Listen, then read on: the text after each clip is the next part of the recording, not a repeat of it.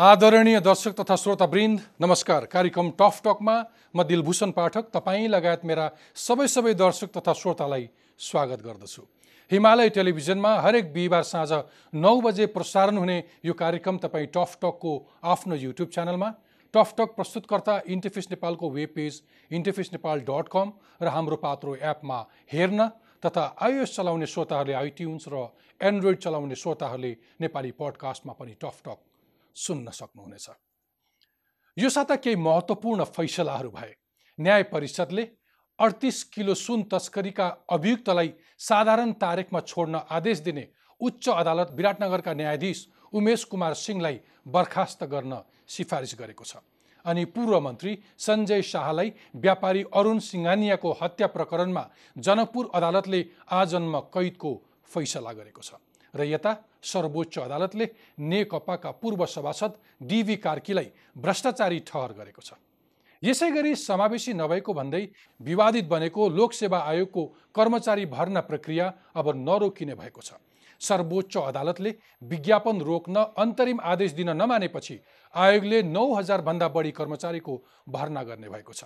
यसअघि संसदीय समितिले भर्ना रोक्न निर्देशन दिएको थियो। अब लागौँ आजको विषयतर्फ। नेपालको परराष्ट्र मामिला नीति स्थिर नरहेको कुरा वर्षौँदेखि उठ्दै आएको छ। सरकार बदलिन्छ मन्त्रालयको जिम्मेवारी सम्हाल्ने व्यक्ति फेरिन्छन् त्यसकै आधारमा परराष्ट्र सम्बन्धहरू पनि अदल बदल भइरहन्छन्। कहिले कुनै मुलुकप्रति झुकाव राखेको त कहिले कोहीसँग टाँसिएको आरोप लाग्ने गर्छ। असंलग्नताको नीति त भन्छौँ तर कहिले भारत त कहिले चिनको पक्षमा नेपाल पुगेको टिप्पणी भइरहन्छ। यस्तै अस्थिर खालको प्रस्तुतिका कारण अहिले त झन अमेरिका युरोप लगायतले समेत नेपाललाई आफ्नो साझेदार बनाउने कोसिस बढाउन थालेका छन्। पछिल्लो समय अमेरिकाले नेपाललाई इन्डो पेसिफिक रणनीतिको साझेदार बनाउने कोसिस गरेपछि त्यसमा नेपाल जोडिनुहुन्छ कि हुँदैन भन्ने बहस चर्किएको छ।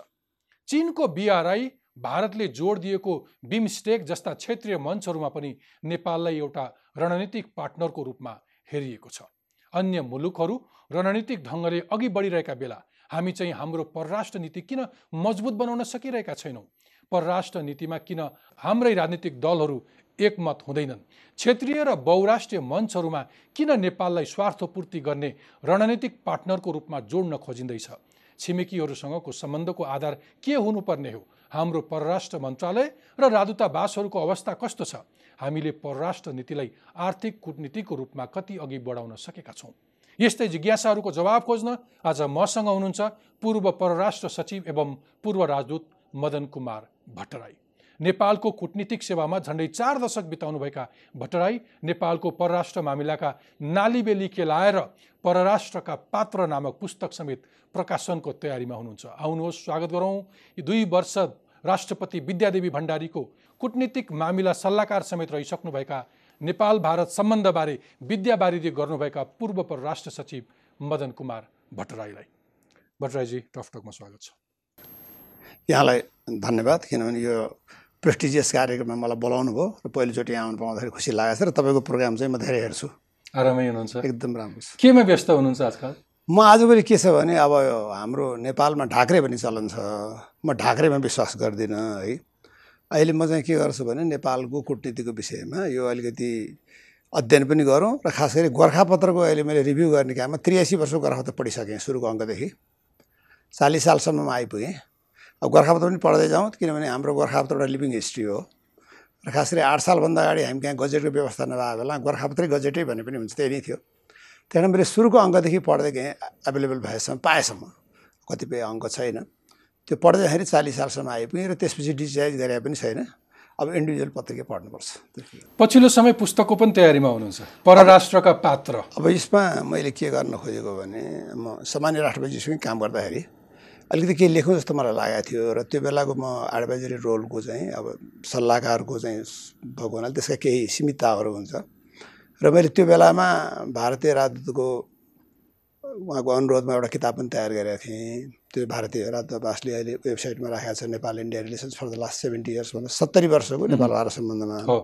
र मलाई के लाग्यो भने हामी अरू हो अरू अरूको विषयमा हामी धेरै कुरा गर्ने आफ्नो विषयमा धेरै ध्यान नदिने हाम्रो बानी भाव एकचोटि कुटनीतिको विषयमा चाहिँ अलिक केही भोलुमहरू लेखौँ भन्ने मेरो सोच हो धेरै वर्षदेखिको सोच हो। र यसको सुरुवात चाहिँ मैले अहिले चाहिँ पहिलोबाट सुरु गरेको छु र म यसलाई चाहिँ निरन्तर दिने विचार गरेको छु। किताब पब्लिसर्सले ल्याउँदैछ। यही एक दुई हप्ता हजुर।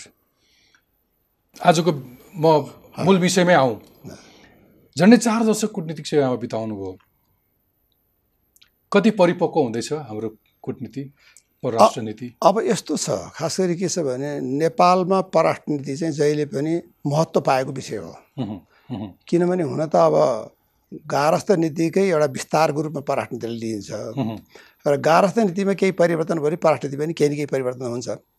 तर तैपनि के छ भने अब एकजना विशेषज्ञ डाक्टर हेनरी किसिन्जरले के भन्नुभएको छ भने देशहरूले परराष्ट्र नीतिलाई एउटा चाहिँ तपाईँको निरन्तरता र परिवर्तनको रूपमा लिए तापनि खास गरी परराष्ट्र नीति चाहिँ अलिकति कन्जर्भेटिभ हुन्छ यो चाहिँ निरन्तरतारै लाग्छ भन्ने भन्नुभएको छ।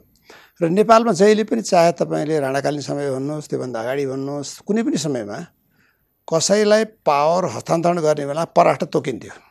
यो परराष्ट्र चाहिँ फलानले हेर्ने भनेर। राणाकालीन समयमा पनि तोकिन्थ्यो। त्यस कारण यो परराष्ट्र मन्त्रालयले जहिले पनि महत्त्व पाउँथ्यो।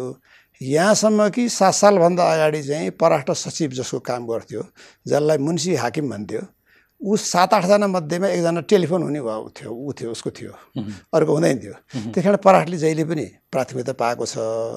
र फेरि परराष्ट्र नीति भने कुनै एउटा देशको परराष्ट्र नीति हुन्छ कुनै दल विशेषको वा व्यक्तिको हुँदैन जस्तो तपाईँले भन्नुभयो हालमा के हुन्छ भन्ने जुन कुरा गर्नुभयो अब यसलाई चाहिँ फेरि अर्को एउटा विषय के छ यहाँलाई म तपाईँको समयमा छिटो भनिहालौँ। नेपालको परराष्ट्र अड्डा जुन छ त्यो यो साउथ एसियाको सबैभन्दा पुरानो हो। चिनको भन्दा पनि पुरानो हो उनीहरूको छुङली यामेन अठार सय एकसट्ठीमा सुरु भयो पछि गएर वाइ वाइवाइपू वाइ च्याउपू अहिले भन्छन्। त्यसै गरी भारतको परराष्ट्र अ, मन्त्रालय पनि एक प्रकारले अब भारत त कोलोनी नै भयो ठिक छ। होइन यसमा त तपाईँसँग यति धेरै ज्ञान छ कि यो साध्य नै छैन तपाईँसँग। रेफरेन्सेसहरू यति धेरै छ। तर सिलसिला र प्रसङ्गमै जाउँ हामी। म अझ आउँछु नै पनि। कस्ता मान्छेहरू त्यो परराष्ट्र मन्त्रालय सम्हाल्न आयो अघि तपाईँले उच्च प्राथमिकताको मिनिस्ट्री हो भन्दा भन्दै पनि। तर लार्जर मान्छेको टिप्पणी चाहिँ हाम्रो परराष्ट्र नीति नै भएन भन्ने धेरै टिप्पणीहरू हुने गरेको छ तपाईँले मलाई भन्न सक्नुहुन्छ कि हाम्रो परराष्ट्र नीतिमा के के कमजोरीहरू देख्नुहुन्छ के के छन्? अब यस्तो छ हेर्नुहोस् यो के भने सुधार गर्ने ठाउँ प्रशस्त छ नभए होइन। तर मलाई के लाग्छ भने जो परराष्ट्र नीति अथवा परराष्ट्र सम्बन्ध चाहिँ अहिले सञ्चालन चाहिँ हामीले चाहिँ व्यावसायिक कुटनीतिबाटै गर्ने गर्नुपर्छ। किनभने परराष्ट्र नीति एउटा यस्तो चिज हो एकजना विशेषज्ञले के भन्नुभएको छ भने तपाईँको राजनीतिले तपाईँलाई अप्ठ्यारो पार्न सक्छ नोक्सान पार्न सक्छ तर परराष्ट्र नीतिले मार्न सक्छ भन्नुभएको छ क्या। त्यही भएर परराष्ट्र नीति भन्ने बडा संवेदनशील विषय हो। त्यही भएर यसलाई चाहिँ तालिम प्राप्त व्यक्तिले नै सञ्चालन गर्नु होइन त्यो त्यो थ्योरिजमा नजाउँ। थ्योरिज त पक्का हो। तपाईँले कोड गर्नुभयो थ्याङ्क यू प्रश्न के हो भने नि हामी कति स्पष्ट छौँ?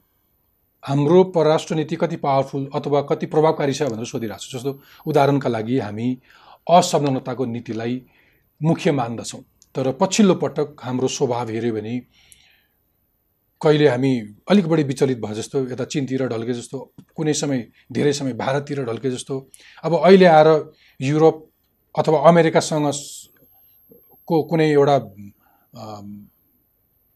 फोरममा अथवा प्लेटफर्मतिर लसिन खोजे जस्तो अथवा उसले हामीलाई समेट्न खोजे जस्तो यी यी यी कुराहरू हेर्दाखेरि तपाईँलाई केही क्रिटिकल हुन लाग मन लाग्दैन? होइन यस्तो मलाई मलाई दिलभूषणजीले भन्नु खोजेको के जस्तो लाग्यो भने एउटा चिज म यहाँलाई के भनौँ भने अब यो दुई हजार सात साल पछिकै लिउँ अहिले प्रसङ्ग। दुई हजार सात सालको आसपासमा अब तपाईँको केही वर्ष अगाडि भारत स्वतन्त्र भयो होइन। भारतमा उन्नाइस सय छयालिसमै प्रोभिजनल गभर्मेन्ट बन्यो। त्यसको केही समयपछि चिनमा पिपुल्स रिपब्लिक इस्टाब्लिस भयो उन्चासमा। त्यो समयमा सुरुका वर्षमा भारतको प्रधानमन्त्रीले त सत्र अठार वर्ष पुरै परराष्ट्र मन्त्रीले आफैले चलाउनु भयो कसैलाई दिनु भएन कोही मन्त्री नियुक्ति गर्नु भएन। चिनमा चाउनलाईले पनि त्यही गर्नुभयो पहिलो पहिलो सा आठ सात आठ वर्ष त्यो गर्नुभयो। सायद त्यो इम्प्रेसन हामीलाई पर्या हुनाले धेरै जसो प्रधानमन्त्रीले आफैले परराष्ट्र मन्त्रालय लिन लागेको कारणले कतिपय कमी कमजोरी भएको हुनसक्छ एउटा पार्ट चाहिँ एउटा त्यो- त्यति पुरातन छन् अहिलेको नेतृत्वमा बस्ने मान्छेहरू? होइन पुरातन पछिल्लो पटक शासन सत्तामा आउने मान्छेहरू? मैले पुरातन भने होइन तपाईँलाई के भन्न खोजेँ भने अब पण्डित नेहरू र चावनलाई दुइटै दुईवटा छुट्टै छुट्टै ओरिएन्टेसनका छुट्टै छुट्टै किसिमको तालिम प्राप्त व्यक्तिहरू तर उनीहरू असाध्यै इफिसियन्ट मान्छे थिए सक्षम मान्छे थिए। अब त्यसलाई हामीले तुलना नगरिकन प्रधानमन्त्रीले पराष्ट्र मन्त्रीलाई सम्हाल्नुपर्छ भन्ने हामीलाई पऱ्यो जस्तो छ। त्यस कारण अधिकांश प्रधानमन्त्रीले पराष्ट्र मन्त्रीले सम्हालेको छ। तर तैपनि त्यसमा के छ भने जुन अब करियर प्रोफेसनल्सहरू आएका छन् जस्तो प्रोफेसर खनाल भन्नुहोस् अब नरेन्द्रमणि आचार्य दीक्षित भन्नुहोस्। मेरो प्रश्नको जवाब मैले अरू नै अपेक्षा गरिरहेको छु। मेरो प्रश्न के थियो भने हामीले मुख्य मानेको असंलग्नताको नीतिबाटै हामी डगमगाइरहेको हौँ। आज हामी अथवा हामीसँग अहिले नीतिगत स्पष्टता छैन भनेर सोधेको। होइन हामी डगमगाएको छैन। कुरा के छ भन्नु भने असंलग्नताको सिद्धान्त हामीले तपाईँको जस्तो भनौँ न बाङडुङ कन्फरेन्सपछि बिस्तारै हामीले त्यो सिद्धान्त प्रतिपादित गर्दै गएर अब असंलग्न आन्दोलनबाट हामी सदस्य भयौँ फाउन्डर मेम्बरै भयौँ हामी त्यसको संस्थापक सदस्य भयौँ। तर त्योदेखि पहिलेदेखि नि हामी के छ भने हाम्रो राष्ट्रिय स्वार्थले गाइड गर्छ क्या राष्ट्र एउटा पराष्ट्रनीति भन्ने कुरा। जस्तो तपाईँले यसलाई चाहिँ तपाईँको ब्रिटिसहरूको दबदबा भएको टाइममा ब्रिटिस इम्पायरको टाइममा हाम्रो पराष्ट्रनीति बढी चाहिँ के छ भने ब्रिटिससँग नजिकको सम्बन्ध देखियो। यद्यपि हाम्रो उत्तरतिर पनि सम्बन्ध नभएको होइन। त्यस कारण यो के हुन्छ भने नुवान्सेसहरूमा कहिलेकाहीँ तपाईँको त्यसको चाहिँ त्यसमा दिने प्राथमिकतामा केही फरक पर्ला तर मलाई के लाग्छ भने हाम्रो पराष्ट्रनीति डगबगाएको जस्तो मलाई हामी लाग्छ सही ट्र्याकमा छौँ हामी स्पष्ट छौँ। हामी हामी एकदमै स्पष्ट छौँ खालि के छ भने यति ठुलो यति ठुलो बचाव गर्नुभयो कि बरु स्वयं परराष्ट्र मन्त्रालयले दुई दिन तिन दिन अगाडि चाहिँ हाम्रो परराष्ट्र नीति गर्ने परराष्ट्र नीति तय गर्ने सम्बन्धमा हामी अलिकति वृहत अन्तर्क्रिया गऱ्यौँ गरौँ। हामी कहाँ हामी कहाँ स्पष्ट नीति भएन भनेर आयोजना गर्यो। त्यहाँ बोल्ने दिग्गजहरूले पनि अलिकति नीतिगत एकरूपता नभएका कारणले गर्दाखेरि चाहिँ हामी पछि परिरहेछौँ। अहिलेको बदलिँदो परिस्थितिमा हामीसँग चाहिँ प्रपर नीति हुनुपर्छ भनेर उनीहरू भन्दैछन्। तपाईँ चाहिँ स्पष्ट हुनुहुन्छ कि हाम्रो परराष्ट्र नीति यसै राम्रो छ छ भन्दै हुनुहुन्छ? म स्पष्ट छु खालि नुनको सोझो हो होइन? मेरो कुनै नुनको सोझो छैन म अब म पेन्सन होल्डर हुँ। त्यही त तर पेन्सनमा पनि नुन त तर म तपाईँलाई एउटा कुरा के भनौँ भने म एउटा तपाईँलाई के भनौँ भने हामीले पराष्ट्र नीतिमा सुधार गर्ने ठाउँ धेरै छ। मेरो प्रश्न त्यही है। बेसिकली यो सोमा। Tough talk. किनभने हामी अलिकति क्रिटिकल। थिङ्किङ गरौँ। हामीले त्यसको आशय के हो भने तपाईँले कसैलाई हिलो छ्याप्नुपर्छ आरोप लगाउनुपर्छ भन्ने होइन। म- म त्यसो- त्यसमा तपाईँ पन्छिनु पनि पर्दैन। तर। क्रिटिकल थिङ्किङ गर्नुपर्छ तपाईँकै कुरा तपाईँ अझ गर्नु होइन। ठिक छ। त्यसो फेरि मैले मौका दिएँ। रिभ्यू गरेर भन्नुहोस् कि हाम्रो परराष्ट्र नीति कस्तो छ? यस्तो छ। तपाईँले जुन नेसनल डायलग जुन भन्नुभयो अस्ति परराष्ट्र मन्त्रालयले सञ्चालन गरेको त्यतातिर पनि धेरै नर्मल मैले तपाईँको पनि- धारणा मैले पनि सोधिरहेको छु। सहभागी भएको थिएँ। यस्तो छ। हाम्रो पराष्ट्रनीतिका प्यारामिटर्सहरू हाम्रा त सिद्धान्तहरू इन्ट्याक्ट छन् अब रह्यो कुरा के भने त्यसमा चाहिँ हामीले त्यसलाई अझै हामीले सुधार गर्ने अथवा त्यसमा हामीले अझै त्यसलाई चाहिँ अझ तपाईँको त्यो के भने इम्फेसिस गर्ने त्यो कुराहरू चाहिँ बाँकी छ र त्यसमा चाहिँ एउटा कुरा के भने सरकारको परिवर्तनको कारणले कहिले फरक पर्या होला कहिले चाहिँ कतिपय चिजहरू चाहिँ होला भन्दा पनि तपाईँ त त्यो टाइम लाइनमा आफै साक्षी होइन, म। भन्दैछु, म मेरो। प्रश्न के? फेरि पनि तपाईँले सोचाइ अर्को सजिलो बनाइन्छु सरकार फेरिए पछि अथवा मन्त्री मन्त्री बदलिए पछि हाम्रा नीतिहरू पनि अलिकति प्राथमिकता पर्ने हुने नीति गरेको छ। नीति बदलिँदैन तर के छ भने राजनीतिक नेतृत्व दिने मानिसहरू फेरिएपछि कहिले काहीँ के भने अस्पष्टता आउँछ।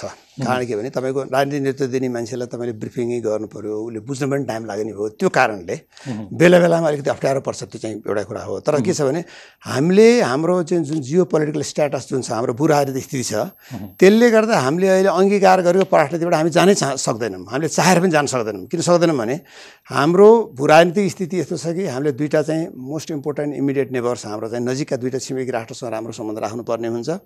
र हामीले चाहिँ के भने छिमेकी राष्ट्रहरूसँग सम्बन्ध राख्नुपर्ने हुन्छ र विश्वका ठुला राष्ट्रसँग सम्बन्ध राख्नुपर्ने हुन्छ। त्यो पनि सामान्य कुरा हो। त्यो आठ नौ क्लासको केटाकेटीले पढ्ने भए भन्ने भए सबै छिमेकी राष्ट्रहरूसँग अथवा परराष्ट्र सम्बन्ध राम्रो हुनुपर्छ त्यसमा नजाउँ हामी। मैले चाहिँ तपाईँलाई समीक्षा गर्न लगाइरहेको छु अथवा समीक्षा गरौँ भनिरहेको छु अथवा सामान्यत अथवा अस्ति परराष्ट्र मन्त्रालयले गरेकै वर्कसपबाट त्यो कार्यशालाको एउटा कुनै निष्कर्ष अथवा त्यो त्यो आयोजना गर्नु पछाडिको कारण हेरौँ न हामीले आजसम्म साझा धारणा तय गर्न सक्यौँ परराष्ट्र नीतिका सम्बन्धमा? अब दलहरूमा दलको आफ्नो प्राथमिकता हुन्छ। दलहरूमा गर्न सकेनौँ। त्यो एउटा चाहिँ तपाईँको के भने दलहरूमा चाहिँ हामीले गर्न सकेनौँ। त्यो एउटा चाहिँ वास्तवमा दलहरूको बिचमा एउटा युनानिमिटी भएको भए धेरै राम्रो हुन्थ्यो।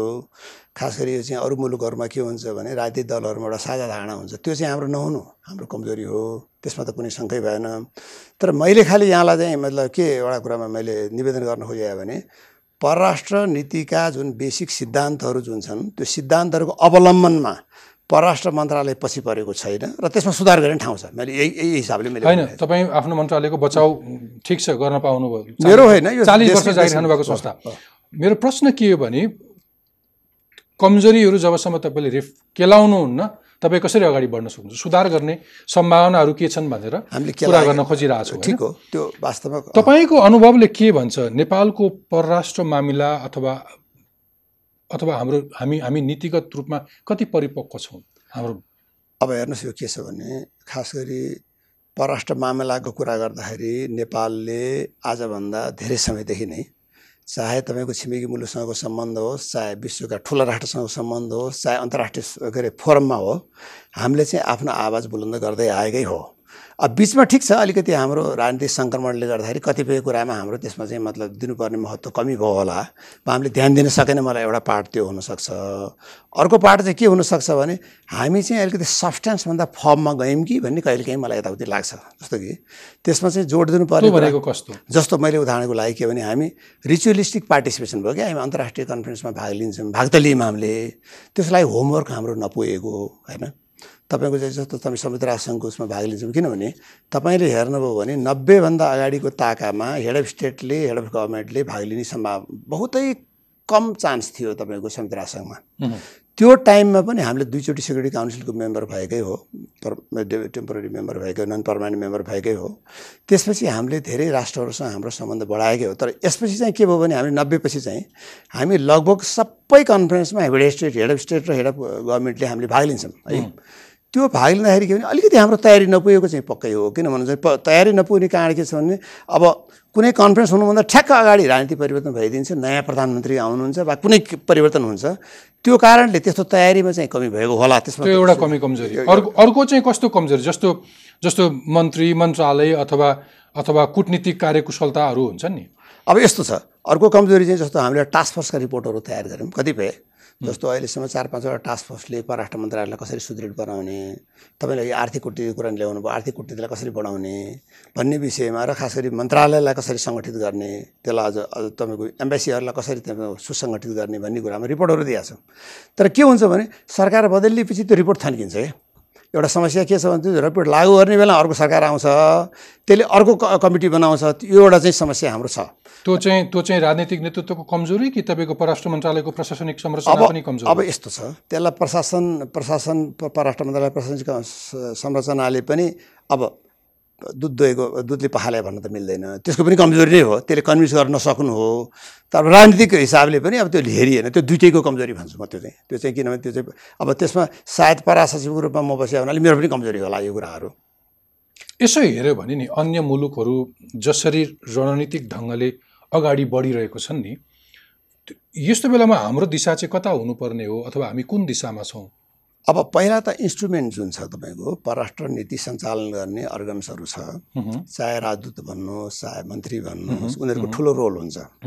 अब हामी अहिलेसम्म के छ भन्नुहुन्छ भने नन करियर एपोइन्टीलाई इम्पोर्टेन्स दिइरहेका छौँ। ओके। है एउटा चाहिँ। यसलाई अझ बुझ्ने गर्नुहोस्। मेरो धेरै दर्शकले त्यसलाई। भनेको परराष्ट्र मन्त्रालयमा त्यो करियर बनाएर आएका त्यो प्रशासन बुझेर आएका मान्छेहरूले व्यावसायिक कुटनीतिज्ञ भन्दा म यसरी भनौँ तालिम प्राप्त व्यावसायिक कुटनीतिज्ञ भन्दा अरू अव्यावसायिक व्यक्तिहरूलाई हामीले चाहिँ कुटनीतिक जागिर दिने गरेका छौँ। अथवा राजनीतिक दलले आफ्ना नजिकका मान्छेहरूलाई राजदूत बनाएर पठाउन थाल्यो भने अब यसलाई राजनीतिक नियुक्ति भन्ने गरेको छु म राजनीति पनि भन्दिनँ। किन राजनीतिक नियुक्ति भन्दाखेरि कस्तो हुन्छ भने राजनीतिक नीतिको वास्तविक परिभाषा हेर्दाखेरि चाहिँ राजनीतिज्ञहरू एक्टिभ राजनीतिज्ञहरूलाई पठाएकोलाई राजनीतिक नीतिहरू भनिन्छ त्यो त्यो भनिन्छ मै। पनि माग्ने ढुङ्ग्रो पनि लुकाउने चाहिँ नगरम अब म यसलाई के भन्छु टफ टकमा हुनुहुन्छ अलिकति सिधा कुरा ठिक छ। म तपाईँलाई सिधै हुन्छ। नघुमाउँदै। यसमा के छ भने म राजनीति पनि भन्दिनँ त्यसलाई। किन भन्दिनँ भने केही व्यक्ति राजनीतिज्ञ होला जस्तो चक्रबास तोलाको नियुक्ति तपाईँले नामै लिनु पर्दाखेरि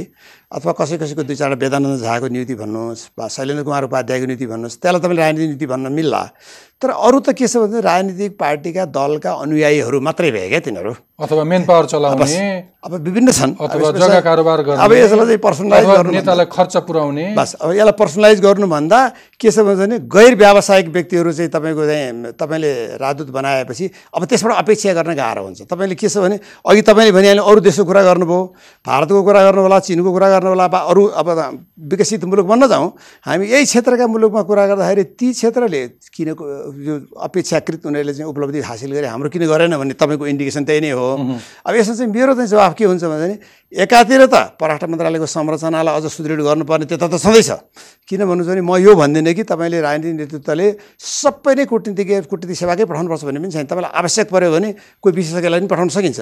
तर त्यसमा के चाहिँ हुनु पऱ्यो भन्नु भने त्यसको उपयुक्तता हेरेर गर्नु पऱ्यो उपयुक्तता हेरेर गऱ्यो भने हुन्छ। किन भन्नु भने नत्र त कस्तो हुन्छ भने अब तपाईँले अहिले कुरा गरौँ न तपाईँले भारत र नेपालको बिचमा डाइरेक्ट तुलना गर्नुभयो भने उन्नाइस सय एकानब्बे पछि हामीले कूटनीतिक नेतृत्व कूटनीतिक व्यक्ति भारतमा पठाएको छैन राजदूतमा। उन्नाइस सय एकानब्बे पछि रोकिएको छ। भारतले पन्चानब्बे पछि गैर कूटनीतिक रोकिदिएको उसले कुटनीति मात्रै पठाउँछ हामी गैर कुटनीति मात्रै पठाउँछौँ। त्यस कारण त अब हाम्रो त्यस कारण तुलना हुँदैन। हाम्रो हाम्रो भारतमा भएको राजदूत र भारतको नेपालमा भएको राजदूतको तुलना हुँदैन। किनभने त्यसका अरू पाटाहरू पनि छन्। किनभने कस्ता कस्ता राजदूत भेट्नुभयो देख्नुभयो तपाईँले? तपाईँको यो आँखाले कस्तासम्म राजदूत मैले मैले अहिलेसम्म नियुक्त भएका राजदूतमा नेपाल सरकारले अहिलेसम्म दुई सय साठीवटा नियुक्ति गर्यो। दुई सय साठीवटा नियुक्तिमा चारजना बाहेक सबैले भेटेँ। विदेश सबैलाई भेटेँ मैले। अध्ययनको सिलसिलामा पुस्तक लेखनको सिलसिलामा सबैसँग भेट्नुभयो अन्तर्वार्ता गर्नुभयो। मैले अब सोध्न खोजेको कुन तहसम्मको मान्छे राजदूत भएछ? तह भन्नाले तपाईँले पढालेखा जानकारी अब यो जुन होइन यो राजदूत चाहिँ हामी एक प्रकारले श्रेणीविहीन पद भयो। कुनै श्रेणी नै छैन। किन श्रेणीविहीन भयो भने हाम्रो पूर्व प्रधानमन्त्री पनि पाल्नु भएको छ। त्यसपछि गएर अरू अरू सामान्य मानिसहरू पनि जानुभएको छ। त्यस कारण चाहिँ पर्सनलाइज गरेर यो त्यो भन्नुभन्दा पनि जुनसुकै तहको पनि व्यक्ति गएको छ र त्यसले गर्दाखेरि पनि राजदूत चाहिँ श्रेणीविहीन पद भयो। पढालेखा कतिसम्म भएको कति कुटनीति जानेको कति परराष्ट्र सम्बन्ध बुझेको भन्दैछु सर म। त्यो छैन। त्यो हामीले त्यसलाई क्राइटेरिया बनायौँ हामीले लेख्ने बेला हामीले चाहिँ क्राइटेरिया चाहिँ बनायौँ यसो आधारहरू भनेर भन्यौँ तर आधारको पालना चाहिँ हामीले खासै गरेनौँ। यो के हुन्छ भने अब तपाईँले भेटेका यी कति भन्नुभयो? दुई सय? दुई सय होइन दुई सय साठी अहिलेसम्म नेपाल सरकारले दुई सय एकसट्ठीवटा राजदूतको नियुक्ति वा सिफारिस गरिरहेको छ अहिले अस्तिको चारजना समेत गरी। हो ती भेटेका मध्ये कति मान्छेहरू सामान्य कुटनीति पनि नबुझेको परराष्ट्र नीति केही थाहा नभएका मान्छेहरू थिए। अब हामीले ओरिएन्टेसन गर्छौँ खास गरी तपाईँको इन्स्टिच्युट अफ फरेन अफेयर्सबाट ओरिएन्टेसन गर्ने प्रोग्राम चलायौँ मन्त्रालयले त्यो गर्यो नयाँ राजदूतहरूलाई गर्यो। त्यति भएपछि क्यापेबल भयो? अब त्यो गर्दाखेरि के पाइयो भने उनीहरूलाई चाहिँ थाहा नभएका धेरै पाइयो। क्यापेबल भयो त्यति भएपछि? उसले पर्फर्म गर्न सक्छ। होइन त्यसलाई क्यापेबल सामान्य शिष्टता मेन्टेन गर्न सक्छ विवादमा पर्छ त्यहाँको कम्युनिटीले उजुरी हाल्छन् अनि नेपाल सरकारले कुनै राजदूत तिमी त्यहाँ गनायो यहाँ फर्केर आऊ भनेर भन्छ। त्यो पनि भनिदिएन। सिधा भन्न अनि त्यो त्यो त्यो त्यो पनि भनिएन तपाईँले तपाईँले भनेकै कुरा भनौँ न। कुनै पनि राजदूत भने पद यस्तो हो कि उसमा कुनै पनि सामान्य किसिमको शङ्काको घेरामा परेपछि उसलाई हटाइहाल्नुपर्छ। किनभने तपाईँले धेरै परराष्ट्र मन्त्रीहरू पनि देख्नुभयो। कस्ता कस्ता मान्छेहरू मन्त्री भए? यसो टाटा टुटु फुटेको अङ्ग्रेजी बोल्न जान्दछ अनि यसलाई परराष्ट्र मन्त्री बनाइदिउँ भनेर पठाएको पनि पाइयो होइन कालखण्डमा। अब यस्तो भयो। परराष्ट्र मन्त्री भने चाहिँ यसलाई यसरी हेरौँ। परराष्ट्र मन्त्री तपाईँको दुई हजार सात सालदेखि दुई हजार चौहत्तर सालसम्मको कुरा गरौँ न। अहिले अन्तिम प्रधान परराष्ट्र मन्त्रीको नियुक्ति चौहत्तर सालमा भएको छ हाम्रो माननीय प्रदीप गेवालीजीको त्यो परराष्ट्र मन्त्रीको नियुक्ति गर्दाखेरि परराष्ट्र मन्त्रीको पोर्टफोलियो चेन्ज हुँदाखेरि चाहे तपाईँको चाहिँ परराष्ट्र शिक्षा भन्यो परराष्ट्र गृह भन्यो वा त्यो हटायो त्यो गर्दाखेरि बयानब्बे पटक पोर्टफोलियो चेन्ज भएछ। मैले यसो सर्वे गर्दा बयानब्बे पटक चेन्ज हुँदाखेरि तपाईँको चौहत्तर वर्ष अब तपाईँको सडसठी वर्षमा बयानब्बे पटक चेन्ज भएपछि त अब स्टेबिलिटी भएन परराष्ट्र मन्त्र परराष्ट्र मन्त्रीको टेन्युरमा एउटा एउटा त्यो समस्या भयो। अब जहाँसम्म तपाईँले व्यक्तिको कुरा गरौँ व्यक्तिको चाहिँ यदा कदा छोडेर तपाईँसँग उपलब्ध जनशक्तिमा राम्रै मान्छे परराष्ट्र मन्त्री भएको छन्। उपलब्ध जन जन सर मसँग धेरै प्रश्न छन्। आधा समय बिताइसक्यौँ ट्याक्क जवाब दिनु हो भने प्लिज प्लिज सार्थक बनाउन सकिन्छ यो सोलाई परराष्ट्र मन्त्रालय चाहिँ पहिले कस्तो थियो अहिले कस्तो छ? अब परराष्ट्र मन्त्रालय इतिहासको कुरा गर्नुभएको हो भने परराष्ट्र मन्त्रालय संरचनागत रूपमा त्यही त। अघिल्लो समय अथवा अघिल्ला दशकहरूमा कस्तो थियो? अहिले यसले आजको कति अपग्रेड गर्दै म छोटकरीमा आउँछु। सुरुमा तपाईँको सत्र सय उनासत्तरीदेखि हाम्रो जयसी कोटा थियो अठार सय आठमा गएर त्यसमा मुन्सी खाना भयो। मुन्सी खानाबाट सात सालपछि परराष्ट्र मन्त्रालय भयो। अब परराष्ट्र मन्त्रालय हुनुभन्दा अगाडि चाहिँ राणाकालीन समयमा जनरल फरेन अफेयर्स भन्ने हुन्थ्यो। एउटा प्रबुद्ध व्यक्ति एउटालाई चाहिँ परराष्ट्रको हाकिम जसलाई चाहिँ अहिलेको परराष्ट्रको चाहिँ तपाईँ हाकिम। मैले कति एफिसियन्ट थियो अहिले कति एफिसियन्ट छ? अब इफिसियन्सीमा चाहिँ यस्तो छ इफिसियन्सी भन्नाले अब तपाईँको कस्तो भन्छ भने अब यसलाई एउटै मापदण्डमा तुलना गर्न सकिँदैन है। तर मलाई जहाँसम्म लाग्छ अहिले आएर चाहिँ के भएको छ भने परराष्ट्र मन्त्रालयमा विभिन्न डिभिजन्सहरू थपिएको छ यसको कामको लोडहरू पनि बढेको छ। त्यो हिसाबले यसलाई प्रयास भइरहेको छ। यसलाई सुधार गर्न प्रयास भइरहेको छ। त्यस कारण चाहिँ अब परराष्ट्र मन्त्रालयको त्यो मा मापदण्ड तपाईँले ठ्याक्कै कसरी लगाउँ त्यो कुरो चाहिँ है। तर मलाई जहाँसम्म लाग्छ अलिकति नयाँ पुस्ता आएको छ अलिकति पढा लेखा आएको छ अलि नयाँ डिग्री छन् होइन, अलि भाइब्रेन्ट हुँदै गएको छ अलि कुटनीतिक बुझेका मान्छेहरूले प्रवेश पाएका छन् त्यस्तो केही छैन। छ छ। पोइन्टमा भन्नुहोस् न अ- अहिले अहिले आएर के छ भने खास गरी इन्क्लुजिभ बढी भएको छ किनभने धेरै महिला अफिसरहरू आएका छन्। र त्यसै गरी नयाँ नयाँ पढाइ लेखेका नयाँ केटाहरू आएको छन् केटाकेटीहरू आएको छन्। जसले गर्दाखेरि के छ भने परराष्ट्र मन्त्रालयमा अब म्यान पावरको वृद्धि भएको छ र त्यो अनुसारको तालिम हुन सकेको छैन। सबभन्दा ठुलो कुरो के छ भने तपाईँले म्यान पावर मात्रै इम्पोर्टेन्ट होइन। त्यो अनुसारको रिक्विजिट तालिम छ। त्यसमा स्ट्रक्चरल प्रब्लम छ। किनभने कानुनी समस्या छ के भने तपाईँले तालिममा पठाउनु भने उसको नम्बर काटिन्छ बडुवामा त्यसलाई त्यो एउटा इन्सेन्टिभ छैन। त्यस कारण हाम्रो एउटा भनाइ के छ भने परराष्ट्र मन्त्रालयको विशिष्ट सेवा भए हुनाले परराष्ट्रका मान्छेहरूलाई तालिमको व्यवस्था हुनु पऱ्यो त्यो अनुसारको व्यवस्था हुनु पऱ्यो भन्ने चाहिँ ती कुराहरू गर्न बाँकी नै छ। ओके। सर मलाई अब अलिकति हाम्रो रणनीतिक साझेदारी अथवा क्षेत्रीय मञ्चहरूको बारेमा कुरा गर्न मन लाग्यो। टकटकमा अघिल्लो हप्ता एकजना विश्लेषक सौरभजीले कार्यक्रमको अन्त्यमा के भनेर जानुभयो भने अलिकति गम्भीरतापूर्वक यो विषय उठाउनुभयो। पर्टिकुलरली पछिल्लो पटक भारतले जोड दिँदै आएको बिमस्टेक चिनले अलिक महत्त्वका साथ अघि सार्दै आएको बेल्ट एन्ड रोड इनिसिएटिभ र पछिल्लो पटक अमेरिकाले अगाडि ल्याएको इन्डो पेसिफिक यो क्षेत्रीय मञ्चहरू अथवा यो रणनीतिभित्र अब नेपाल यसरी पस्दैछ कि यो हामी धान्न नसकम्ला भनेर अलिकति गम्भीरतापूर्वक अलिकति नियन्त्रणभन्दा बाहिर पो जाँदैछौँ कि हामी भन्ने खालको आशय देखाएर जानुभयो। तपाईँलाई के लाग्छ? हामी हामी हामी कस्तो सिफ्ट लिँदैछौँ? अब सौरभजी मेरो असाध्यै राम्रो मित्र हो र फेरि धेरै अध्ययन गर्नुभएको साथी हुनुहुन्छ। अब यसलाई म यहाँलाई दुईवटा कुरा भनौँ। पहिला कुरा त हामी बेल्ट एन्ड रोड इनिसिएटिभमा पनि हामीले बायोलेटरल एग्रिमेन्ट गरेका छौँ चिनसँग त्यसै गरी इन्डो पेसिफिकको जुन कुराहरू आयो एउटा के भन्छ भन्छ भने एउटा पहिला थ्योरिटिकल फ्रेमवर्कमा के हुन्छ भने अन्तर्राष्ट्रिय कुनै पनि तपाईँले साझेदारी गर्दाखेरि वा कुनै पनि संस्था वा कुनै एउटा ग्रुपमा जोइन गर्दाखेरि त्यसमा प्रतिपादित सबै सिद्धान्त तपाईँले मान्नुपर्छ भन्ने हुँदैन। कतिपय कुरा तपाईँले इन्टरनेसनल ट्रिटी नै गर्दा पनि रिजर्भेसन राख्ने चलन हुन्छ कति कुराहरू। त्यसले गर्दा मलाई के लाग्छ भने तपाईँले इन्डो पेसिफिकको जुन कुरा ल्याउनु भयो यो अहिले खास गरी इन्डो पेसिफिक त गत अहिले अठार उन्नाइस महिनादेखि बढ्ता चाहिँ चल्तीमा आएको छ क्वाड भन्ने पनि भनिन्छ एउटा पार्टलाई। त्यसै गरी चाहिँ तपाईँको चाहिँ इन्डो पेसिफिकको छ बिआरआई अब जुन अब चिनको राष्ट्रपति सी जिङपिङको एउटा सिग्नेचर इनिसिएटिभ छ। र यी कुराहरूलाई चाहिँ के भन्छ भने हामीले त्यसमा नेपालको राष्ट्रिय हित केमा छ? हामीले कति चाहिँ त्यसबाट फाइदा लिन सक्छौँ ती कुरामा हामी लाग्ने। तर यसको मतलब वान एगेन्स्ट द अदर भन्ने त्यसले लाग्दैन। किन लाग्दैन भने जस्तो तर हाम्रो हाम्रो नीति चाहिँ फेरि त्यो असंलग्नताको नीति छ नि। कसैले कसैलाई नचिड्याउने ठिक छ। कतैप्रति ठिक छ। धेरै नडल्किने भन्ने त होला नि। होइन। हाम्रो असंलग्नताको नीतिको साथसाथै तपाईँ यो भन्दै हुनुहुन्छ कि सबै प्लेटफर्ममा नेपाल रहन सक्छ? होइन। असंलग्नता असंलग्नताको नीतिको साथसाथै हामीले चाहिँ यी भएको छ बिआरआईमा हाम्रो सदस्यताले हाम्रो असंलग्नतामा असर गर्ने। बा चाहिँ तपाईँको चाहिँ अब इन्डियाले चाहिँ निकालेको बिमस्टेकको जुन तपाईँले भन्नुभयो इन्डियाको कुरा त्यसमा दुइटा गइसकेको छ त्यो त जानै परेन। मेरो सिधा प्रश्न तपाईँ सिधा जवाब ठिक छ। दिनुहोस् इन्डो पेसिफिकमा हाम्रो रोल हामी संलग्न हुन्छौँ? इन्डो पेसिफिकका केही कुराहरूमा जस्तो कि तपाईँको जस्तो कि तपाईँले त्यसलाई स्ट्राटेजी कुराहरू त्यसको चाहिँ अब मिलिट्री कम्पोनेन्टमा हामी नजाउँला त्यसमा अब अहिलेसम्म त्यो डिटेल पनि आएको छैन। र खास गरी फेरि इन्डो पेसिफिक यस्तो एउटा विषय हो कि जसलाई होइन त्यो त उसको सेगमेन्टै जलसेना भने चाहिँ होइन, हामी त्यही- जलसेना नहोलान्। त्यही त। तर हामी इन्डो पेसिफिकमा जोइन गर्न सक्छौँ। अब यस्तो छ खास गरी तपाईँको इन्डो नो होइन होइन। इन्डो पेसिफिकको खास गरी जुन फ्रेमवर्क छ त्यो फ्रेमवर्कका कतिपय कुराहरू कतिपय कुराहरू हाम्रो राष्ट्रिय आवश्यकता अनुसार वा हाम्रो राष्ट्रिय हित हुन्छ भने हामी सोच्न सक्छौँ। कतिपय कुराहरू। यो के छ भने तपाईँले मेरिटको आधारमा गर्ने हो।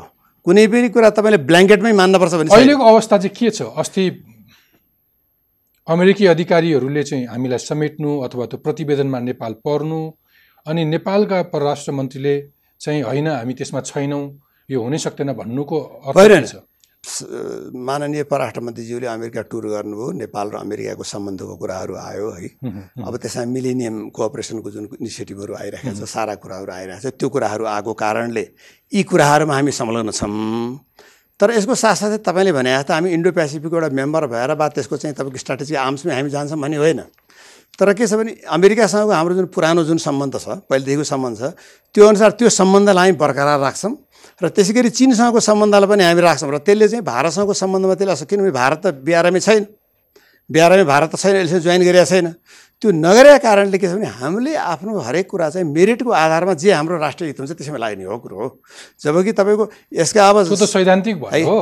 त्यो त जे लाभ हुन्छ जे मुलुकको हितमा हुन्छ त्यो त गर्ने कुरै भयो। तर मैले तपाईँलाई के लाउन लगाइरहेको छु कि यो पछिल्लो विवाद पनि जुन देखियो अमेरिकी अधिकारीले यसो भन्नु र हामीले हाम्रा अधिकारीले चाहिँ होइन हामी त्यहाँ जोडिसकेका छैनौँ भन्नु चाहिँ उनको स्वार्थ हामीलाई पार्न खोज्नु हामी त्यहाँ बस्न खोज्नु केही कारणहरू होइन होइन यस्तो छ। हाम्रो अमेरिकासँगको जुन सम्बन्ध छ त्यसले गर्दाखेरि उसको कुनै पनि तपाईँको स्ट्राटेजिक उसमा हामी इन्भल्भ हुन जरुरी हुँदैन। किन हुँदैन भन्नुहुन्छ भने अमेरिकासँगको जुन हाम्रो सम्बन्ध छ उसलाई थाहा छ। अमेरिकालाई यो पनि थाहा छ कि हाम्रो नेपालको के के प्राथमिकता छ हाम्रो के के सर्टकमिङ्सहरू छ के के लिमिटेसन छ उसलाई थाहा छ। त्यो हिसाबले गर्दाखेरि मलाई जहाँसम्म लाग्छ त्यसमा त्यति विवाद गर्नु पर्ला जस्तो लाग्दैन तर हामी के चाहिँ हुनुपर्छ हामी चनाखो चाहिँ के हुनुपर्छ भने हाम्रो राष्ट्रिय स्वार्थ जे छ त्यसमा लाग्नु तपाईँ जापानको पनि राजदूत हुनुभयो जापान आफै पनि यसको सूत्रधार थियो इन्डो पेसिफिकको मूल पार्टनरै हो जापान।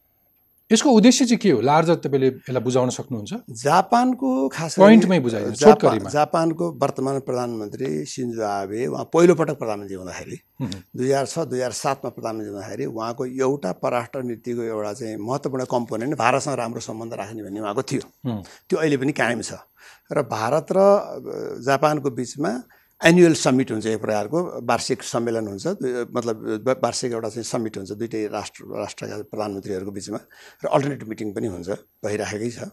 त्यो अनुसार उहाँले त्यो इन्डो पेसिफिकको कुरा त्यो बेला एक्चुअली ल्याउनु भएको थियो। त्यसपछि त्यो कुरो त्यसै गयो। र अमेरिकनहरूले इन्डो एसिया पेसिफिक भन्ने ल्याएको थिए पहिले। र अहिले विगत केही समयदेखि इन्डिया पेसिफिक अहिले चाहिँ इन्डो पेसिफिक जुन आएको छ र भारतले त एउटा किसिमको विङ पनि परराष्ट्र मन्त्रालय एउटा विङ पनि सुरु गरेको छ। मेरो प्रश्न के हो भने इन्डो पेसिफिक रणनीतिको मूल पार्टनर जापान हो। तपाईँ त्यही देशमा राजदूत भएर बस्नु भएको थियो। यो इन्डो पेसिफिकको उद्देश्य के हो? यसलाई अलिकति बुझ्ने गरी भन्नु होइन जापानले एउटा के भने डेमोक्रेटिक कन्ट्रीहरूको बिचमा एउटा अलायन्स खोजेको हो वास्तवमा। जापानले चाहिँ उसको परिभाषामा अस्ट्रेलिया अमेरिका अब तपाईँको चाहिँ अब इन्डिया यो चाहिँ मतलब एउटा अलायन्स खोजेको र त्यसले चाहिँ उसले के गर्न खोज्यो भने आफ्नो राष्ट्रिय हित कसरी सुरु किन जापान एउटा यस्तो देश हो जसको चिनसँग पनि टेरिटोरियल डिस्प्युट छ। साउथ कोरियासँग टेरिटोरियल डिस्प्युट छ रसियासँग टेरिटोरियल डिस्प्युट छ। तर त्यो टेरिटोरियल डिस्प्युट हुँदाहुँदै पनि इकोनोमिक कोअपरेसन बढाउँदै उसले लगाएको छ ती देशहरूसँग पनि। र त्यसरी इन्डियासँगको उसले साझेदारी जुन बढाउने सिलसिला उहाँले त्यो ल्याएको हो त्यो स्पिरिटमा आएको हो त्यो बेलामा त्यसपछि त्यसो अगाडि बढेको थिएन। र यो अहिले हालै खे केही वर्षपछि अनि फेरि आयो त्यो। बुझिएन। यसलाई बुझ्ने गरी भन्नुहोस् इन्डो पेसिफिकमा नेपाल हामी लाग्दाखेरि हामीलाई फाइदा के हुन्छ? नलाग्दाखेरि घाटा के हुन्छ? हामीले इन्डो पेसिफिक भन्नाले लाग्दाका फाइदा बेफाइदा नलाग्दाका फाइदा बेफाइदा। ला हामी इन्डो पेसिफिकको कुनै पनि त्यसको स्ट्राटेजिक आर्म्समा हामी जाने कुरा आउँदैन। हामी अमेरिकासँगको सम्बन्धमा हामी चाहिँ कन्सन्ट्रेट हुनुपर्छ। अमेरिकासँग सम्बन्धमा कन्सन्ट्रेट हुनुपर्छ भारतसँगको सम्बन्धमा हामी कन्सन्ट्रेट हुनुपर्छ र त्यसमा चाहिँ चिनसँगको सम्बन्धमा पनि कन्सन्ट्रेट एकदम छ त्यो त सही छ त्यो चिनसँगको त मैले बिहार यहाँलाई मैले निवेदन गरिहालेँ र त्यसको साथसाथै अरू राष्ट्र पनि त्यो मात्र किन हामी बेलायत पनि छ नि त? हामी दुई सय वर्षको सम्बन्ध छ हाम्रो त्यो सम्बन्ध हामीले के छ भने राष्ट्रिय हित हाम्रो केमा पुरा हुन्छ त्यसमा लाग्नुपर्छ। त्यही नै हो कुरो। भनेको बिमस्टेकमा पनि बसि नै रहने सार्कमा बसे सार्कलाई हामीले एक्टिभ गर्न बिआरआईमा पनि रहिरहने इन्डो पेसिफिकमा पनि इन्भल्भ हुँदा हुन्छ भन्ने। इन्डो पेसिफिकमा खास गरी अमेरिकासँगको सम्बन्धमा हामीले चाहिँ मतलब म्युचुअल इकोनोमिक कोअपरेसनमा टेक्निकल कोअपरेसनमा लाग्नुपर्छ। हामी चाहिँ अरू चाहिँ तपाईँको स्ट्राटेजिक वा मिलिट्री उसमा उयोमा लाग्नुहुन्न यही हो। यसलाई अझ बुझ्ने गरी भनौँ न इन्डो पेसिफिकमा भनिएकै बढी इकोनोमिक साइडलाई बढी जोड दिन्छ होइन? इकोनोमिक साइडमा सुरक्षाको एउटा पक्ष टेक्निकल साइडमा हामी जाने टेक्निकल साइड र इकोनोमिक साइडमा हामीलाई टेक्निकल कोअपरेसन इकोनोमिक कोअपरेसनको त्यो पार्टमा जाने किनभने अमेरिकासँगको हाम्रो बृहत्तर सम्बन्ध छ किन धेरै अगाडिदेखि हाम्रो सम्बन्ध त्यसमा लाग्ने हो। तर हामीले चाहिँ के छ भने उनीहरूलाई स्पष्ट भन्न सकिन्छ नि हामी त उनीहरूले बुझ्छन् भने थाहा नपाएका होइन। तपाईँले तपाईँ तपाईँले एउटा हेर्नुभयो भने हाम्रो पुरानो सम्बन्ध हेर्नुभयो भने सिक्सटी पछिको जुन पोलिटिकल चेन्ज पछि पनि किङ महेन्द्रले अमेरिकामा गएर हाउस अफ कङ्ग्रेसमा तपाईँ पछिल्लो पटक अलिक बढी यो जबमै बसिरहेको बेलामा नै आइरहेको विषय। दक्षिण एसियामा हेऱ्यो भने भारतले अहिले पर्टिकुलरली बिमस्टेकलाई बढी प्राथमिकता दिइरहेछ। तर त्यही पुरानो सारको भूमिका बढाउन ऊ चाहँदैन त्यसले हामीलाई के फरक पर्छ? त्यसले अलिकति फरक पर्छ किनभने हामी? सारको एउटा त फाउन्डिङ मेम्बर हो अर्को अहिले चेयर पनि हामीले गरिराखेका हुनाले। यद्यपि सबै हाम्रो हातमा हुँदैन। हामीले आफैले चाहेर मात्रै एक्लैले चाहेर पनि हुँदैन। तर यसमा तर चाहनु पनि त पर्छ नि पर्छ। चाहन्छौँ होइन, हामीले एउटा के छ भने सार्कलाई चाहिँ त्यसलाई कसरी चाहिँ हामीले यसलाई यसलाई एक्टिभ गराउनको लागि वा सार्कलाई मतलब एउटा भनौँ न अब अलमोस्ट अहिले डिफङ्ट जस्तो स्ट्याटस छ त्यसलाई चाहिँ अगाडि बढाउनलाई के गर्नु? त्यसमा हामी आइ चियर हामीले प्रयास गर्नुपर्छ। यद्यपि हाम्रो मात्रै प्रयास कम्प्लिट हुँदैन।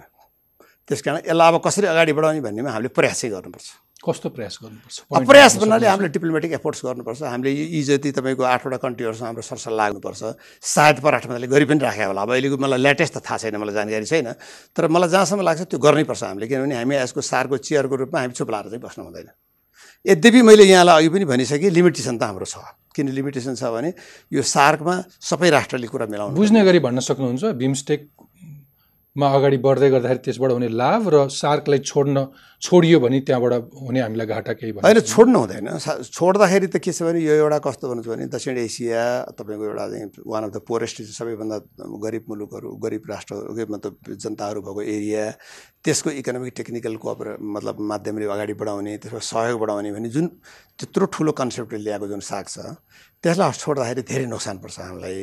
एक दोस्रो कुरो साउथ एसियाको एउटा चाहिँ राष्ट्रहरूको बिचमा जुन भातृत्व सम्बन्ध राख्दाखेरि त्यसका धेरै कुराहरू त्यसले फाइदा हुन्छ कल्चरल रिलेसन्सको कुराहरूदेखि इकोनोमिक रिलेसनको कुरा सोसियल रिलेसनको कुराहरू पोलिटिकल रिलेसनको कुराहरू गर्दाखेरि त्यसलाई हामीले सकभर यसलाई अडाएर राख्नुपर्छ। किनभने त्यो गर्दा हामीलाई फाइदा हुन्छ। त्यो नहुँदाखेरि त्यसको त अब किनभने तपाईँले भइरहेको अर्गनाइजेसन हट्ने भनेको र त्यो पनि कुनै किसिमको स्ट्राटेजिक अर्गनाइजेसन होइन मिलिट्री अर्गनाइजेसन होइन यो एउटा चाहिँ तपाईँको विशुद्ध एउटा चाहिँ आर्थिक सामाजिक तर स्वयं मेजर प्लेयर त अरे अनेक अरू बाहनामा पनि सार्कलाई पन्छाउनै चाहिरहेछ नि भारत त होइन? अब अब यस्तो हो। अब यसमा चाहिँ कसैलाई दोष लाउनु भन्दा पनि यो हाम्रो एउटा के छ भन्छ भने एनिमोसिटी इज नो पोलिसी भन्ने बिआरआईको संलग्नताले चाहिँ हामीलाई हुने लाभहरू के के देख्नुहुन्छ? रियल रियल लाभ। अब कनेक्टिभिटी हो खासै चाहिँ बेसिकल्ली तपाईँले भन्दा छोटकरी भाषामा बिआरआईले के गर्छ भने हाम्रो कनेक्टिभिटी त्यो भनेको मेरो आम दर्शकले बुझ्ने गरी सडक रेल मार्ग अथवा हवाई मार्ग जति पनि छन् हो, ती ती कुरा र त्यसको साथसाथै तपाईँको त्यो अब आजभोलि त तपाईँको भने कम्युनिकेसनका कुराहरू पनि आउने भयो भोलि गएर रेलवेको कुरा अथवा चाहिँ तपाईँको इलेक्ट्रिसिटी लाइनको कुराहरू आउला ट्रान्समिसन लाइनको कुराहरू बेसिकल्ली कनेक्टिभिटी कनेक्टिभिटी बढाउने र किन भन्नु चाहिँ जुन जुन किसिमको रफ्तारमा चिन विकास गरिराखेको छ र फेरि त्यसको साथसाथै तिब्बत जो स्वशासित क्षेत्र छ त्यो चाहिँ एक प्रकारको हाम्रो धेरै वर्षदेखि क्याप्टिभ मार्केट हो। हामीले गर्न सक्यो भने त्यहाँ धेरै चिजहरू गर्न सक्ने अझ पनि अवस्था छ। त्यसले त्यसमा हामी विचार गर्नुपर्ने हुन्छ। कुनै सङ्कट हामीलाई पर्दैन जस्तो इन्डो पेसिफिकमा जोडिँदै गर्दाखेरि बिआरआईसँगको संलग्नतामा कुनै त्यस्तो होइन तपाईँले के छ जहिले पनि के हुन्छ भन्छ भने तपाईँले मित्र राष्ट्रहरूलाई फ्रीली यो कुरा भन्नुपर्छ र उनीहरूलाई कुनै शङ्का गर्ने ठाउँ पनि दिनु हुँदैन र तपाईँको आफ्नो इन्टेन्सन क्लियर भयो भने मलाई लाग्छ केही गाह्रो हुँदैन अलिकति सरकारको समीक्षा गरौँ यो यो सरकार र यो सरकारको विदेश सम्बन्धको बारेमा? कसरी हेर्नुहुन्छ कसरी मूल्याङ्कन गर्नुहुन्छ? मैले यहाँलाई भनिहालेँ। वर्तमान सरकारको परराष्ट्र नीति मैले? यहाँलाई भनिहालेँ सरकार भने एउटा कन्टिन्युएसन हो है निरन्तरता नै हो। कुनै पनि यो खास सरकार त्यो सरकार भन्दा पनि नेपालको पराजनीतिको कुरा हो। अब जब तपाईँले स्पेसिफिकली मलाई बोल्न लगाउनु भएमा चाहिँ के छ भने वर्तमान प्रधानमन्त्रीले चाहे तपाईँको डाभोस समिट भन्नुहोस् चाहे चाहिँ तपाईँको अरू अरू कुराहरू भन्नुहोस् उहाँले अलिकति दायरा बढाउन प्रयास गर्नुभएको छ।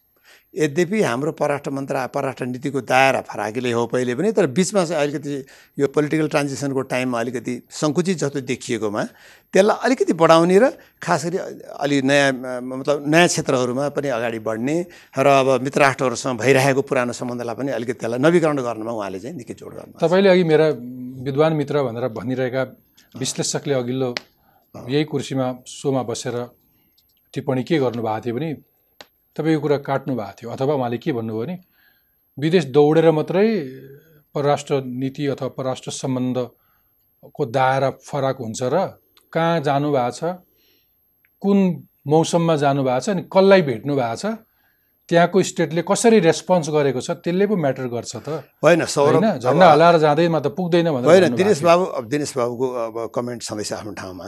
यसमा के भने म उहाँको कुरालाई मतलब सम्मान गर्छु। साथसाथै म एउटा कुरा के भन्नु भने आखिर त तपाईँले गर्ने त भ्रमण गर्ने नै हो नि। तपाईँको आजभोलि समिट होइन अहिलेको समिट डिप्लोमेसीको समयमा मैले तपाईँलाई भन्दैछु त्यसमा हाम्रो प्रिपरेसन पुगेन होला हाम्रो होमवर्क पुगेन होला त्यो आफ्नो ठाउँमा छ। त्यसमा चाहिँ हाम्रो राजदूतावासबाट गर्नुपर्ने जुन किसिमको चाहिँ तयारी त्यो तयारी भएन होला तर भ्रमण त गर्नुपर्छ। किनभने भ्रमण त तपाईँले मित्र राष्ट्र भारतकै प्रधानमन्त्रीको हेर्नुभयो भने तपाईँको चाहिँ अडचालिसवटा उहाँले चाहिँ स्टेट भिजिट गर्नुभएको छ यो बिचमा। स्टेट अफिसियल भिजिट गरेर तर। त्यो बिना तयारीको बिना अर्थपूर्ण भ्रमणले त खर्च मात्रै हुन्छ नि। मेरो तयारी ऋण मात्रै थपिन्छ नि। होइन। तपाईँको कुरामा म दिलबहादुर बाबुको कुरामा के सहमत छु भने कुनै पनि भ्रमणको तयारी गर्नुपर्छ। तर यसको मतलब भ्रमणै गर्नुहुन्न भन्ने होइन। भ्रमण गर्नुपर्छ अब त्यसमा तयारी गर्नुपर्छ र कतिपय कुरा सुधार पनि गर्नुपर्ने हुन्छ। सायद यो पटकको चाहिँ पाठ सिकेर सायद अर्को पटक सुधार गर्नुपर्ने होला। तर मलाई जहाँसम्म लाग्छ प्रधानमन्त्री चाहिँ अब अहिले चाहिँ के भने उहाँ परराष्ट्र मन्त्री पनि भइसक्नु भएको र नेपालको गृह मन्त्रालय पनि चलाइसक्नु भएको दोस्रोटी प्रधानमन्त्री भएको हुनाले यो कुरामा उहाँ बुझ्नु भएको छ। पछिल्लो पटक चाहिँ अब विगतमा हामी भारत र चिनसँग मात्रै बढी टाँस्यौँ। अब चाहिँ अरू मुलुकहरूलाई पनि त्यति नै धेरै प्राथमिकता दिनुपर्छ भन्ने रियलाइजेसन हो अहिलेको सरकारको? अब टाँसिम भन्दा पनि के हो भने त्यो बेलाको बाध्यता होला कतिपय कुराहरू खास गरी सरकार परिवर्तन हुने र पोलिटिकल ट्रान्जिसनले गर्दा धेरै प्रधानमन्त्रीहरूलाई चाहिँ अब देशभित्रै बस्नुपर्ने किसिमको अवस्था भएको कारणले होला टाँसिने भन्दा पनि। किनभने हाम्रो त्यो देशहरूसँग महत्त्व नभएको होइन। किनभने म यहाँलाई उदाहरण दिउँ म जर्मनीमा एम्बेसडर हुँदाखेरि जर्मनहरूसँग यहाँ नेपालमा अलिकति पोलिटिकल डिफिकल्टी भएको बेला मिड मर्स्याङ्दी प्रोजेक्टलाई अडाउनको लागि हामीले धेरै प्रयास गऱ्यौँ। त्यो चाहिँ सफल भयो है। त्यसै गरी जापान यहाँ हाम्रो त तपाईँको जुन अब भूकम्पको टाइममा चाहिँ हामीले अब जापानसँग धेरै ठुलो सहयोग लिन सक्यौँ त्यो त काम लाग्यो होइन। त्यसले गर्दाखेरि चाहिँ हाम्रो नभएको होइन हेर्नुहोस् हाम्रो आउटरिच छ। तर त्यसलाई चाहिँ अलिकति के भने अब उच्च स्तरीय भ्रमणको आदान प्रदान अलिकति कमी भएकोमा चाहिँ त्यसलाई बढाउनलाई चाहिँ प्रधानमन्त्री लाग्नु भएको छ। हुन्छ भलै तपाईँले धेरै कुराहरू भन्न नचाहे जस्तो गर्नुभयो। आइसकेपछि भन्दा हुन्थ्यो। अब सकारात्मक रूपमै एन्ड गरौँ न। तपाईँ यद्यपि जतिसुकै जेसुकै टिप्पणी भए पनि हाम्रो परराष्ट्र नीति त्यस्तो विचलित छैन अथवा अस्थिर छैन राम्रै छ वेल फङ्सनै गरेका छौँ भन्नुभयो। त्यसो भए मलाई यो पनि भनिदिनुहोस् न। अलिक खुसी हुने कुरा कि परराष्ट्र मामिलाका सबल पक्षहरू चाहिँ के के रहेछन् परराष्ट्र अथवा मन लाग्छ भने सुधार गरेर जाने कुरा पनि भनिदिनुहोस्। होइन दुइटै कुरा। जस्तो सबल पक्ष भन्नाले हेर्नुहोस् यो कस्तो भन्छु भने कोल्ड वारको टाइममा जुन हामीले हाम्रो सफल परराष्ट्र नीति सञ्चालन गर्दै आयौँ र त्यसै गरी जुन अब विभिन्न किसिमको पोलिटिकल चेन्ज नेपालमा भयो चाहे तपाईँको चाहिँ कन्स्टिट्युसन मोनार्कीको कुरा गर्नुहोस् अथवा रिपब्लिकन रेजिममा जानुहोस् त्यो सबै गर्दाखेरि पनि के हामीले चाहिँ परराष्ट्र नीतिलाई एक प्रकारले सञ्चालन गऱ्यौँ। मैले यहाँलाई भनिहालेँ त्यसमा चाहिँ सुधार गर्ने ठाउँ थुप्रै छ एउटा है त्यो छ। अब यही हिसाबले मैले एउटा कुरा के लाग्यो भन्नु भने अब हामी जस्तो एउटा सरकारमा काम गरेका मानिसहरूले आफ्नो अनुभवहरू सेयर गर्नु जाति हुन्छ भन्ने हिसाबले नै। बिल्कुल। मैले त्यो हिसाबले चाहिँ यो मैले अहिले जुन प्रोजेक्ट सुरु गरेको आफ्नो पर्सनल सुरु गरेको अब अहिले परराष्ट्र मन्त्रालय अथवा चाहिँ परराष्ट्र मन्त्रीहरूको क्रिटिकल मैले त्यसको चाहिँ एप्रेजल गरेको छु अब आउने किताबमा। मैले उहाँहरूले के गर्नुभयो कसो गर्नुभयो कहाँ कहाँ के के कमी कमजोरी हो मैले प्रयास गरिरहेको छु यद्यपि म अलिकति अप्टिमिस्टिक फ्रेम अफ माइन्डकै मान्छे हो अलिकति म आशावादी आशावादी नै मान्छे हो। यो मुलुक चलेकै त्यही भएर। आशावादी नै सबै हो। आशावादी नै भएरै है, चले आयो है। निराशा भएको भए त। त्यसले गर्दाखेरि चाहिँ म म के भन्छु भन्नुहोस् भने परराष्ट्र मन्त्रालयले यसमा जहिले पनि नेपालको कुटनीति अथवा नेपालको परराष्ट्र नीति परराष्ट्र मन्त्रालयको नेतृत्वदायी भूमिका हुनुपर्छ। त्यो नेतृत्वदायी भूमिका दिँदाखेरि परराष्ट्र मन्त्री प्रधानमन्त्रीको त रोल छँदैछ। त्यसै गरी पराष्ट्र सचिवको रोल हुन्छ र त्यसै गरी राजदूतहरूको रोल हुन्छ। राजदूतहरू पनि हामीले सैद्धान्तिक कुरामा नजाउँ मैले ठ्याक्कै तपाईँसँग विचार मागिरहेको कुनै सिद्धान्त भन्दा पनि। अथवा मैले अर्को अन्तिम प्रश्न सोधिहालेँ समय सिद्धिए पनि। अन्तर्राष्ट्रिय साझेदारी बढाउनका लागि हाम्रो भूमिकाहरू के हुनुपर्छ? त्यस्तो कुनै कङ्क्रिट कुनै पोइन्टमा भन्न सक्नुहुन्छ? अब हेर्नुहोस् यो के छ भने मैले यहाँलाई भनिहालेँ नि अन्तर्राष्ट्रिय सहायता भन्छ सायद तपाईँको चाहिँ अब अहिले भारतले सुरु गरेको चाहिँ तपाईँको नेबरहुड फर्स्ट पोलिसी भनौँ अथवा चाहिँ चिनले सुरु गरेको चाहिँ तपाईँको साङ्घाई कोअपरेसन अर्गनाइजेसन जुन छ तपाईँको धेरै देशहरू छ त्यसमा छ भनौँ अथवा बिहार नै भनौँ। यसमा हामीले चाहिँ जहिले पनि कुनै पनि ठाउँखेरि हामीले खास कङ्क्रिट प्रोजेक्टमै जानुपर्छ। हामीले चाहिँ अन्तर्राष्ट्रिय कन्फरेन्समा भाग लिँदाखेरि पनि कङ्क्रिट प्रोजेक्टमा जानुपर्छ र अनि हामीले सङ्ख्या पनि हिसाब गरेर को को चाहिने सम्बन्धित मान्छे मात्रै राख्नुपर्छ क्या। हाम्रो भिजिटमा एउटा अलिकति के छ भने कता कता जाम्बोरी जस्तो विभिन्न किसिमको मान्छेहरू जाने चलन हुन्छ त्यसलाई घटाउनुपर्छ। चाहे युएनमा पार्टिसिपेसनकै कुरा गरौँ हामीले युएनमा छजना मात्रै पठाउँथ्यौँ धेरै वर्षसम्म। अहिले धेरै मान्छे जान्छन्। होइन त्यो पछि लाग्ने त आसेपासे भइ नै हाल्ला रहेछन् जहाँ पनि। तर को जा जाने नेतृत्व गरेर जाने मान्छेले कति स्पष्ट भएर गएका छन् र आफ्नो कुरा कति स्पष्टसँग राखेका छन् र कस्तो सम्बन्ध राख्न सक्छन् भन्ने कुराले त्यसलाई परराष्ट्र मन्त्रालयले परराष्ट्र मन्त्रालयले एउटा प्ले गर्न सक्छ त्यसमा किनभने लिड रोल प्ले गर्न सक्छ। हुन्छ। ल। मदन कुमार सर तपाईँको महत्त्वपूर्ण समय र विचारको लागि धेरै धेरै धन्यवाद। धन्यवाद। थ्याङ्क यू सर हस् त ल। Thank you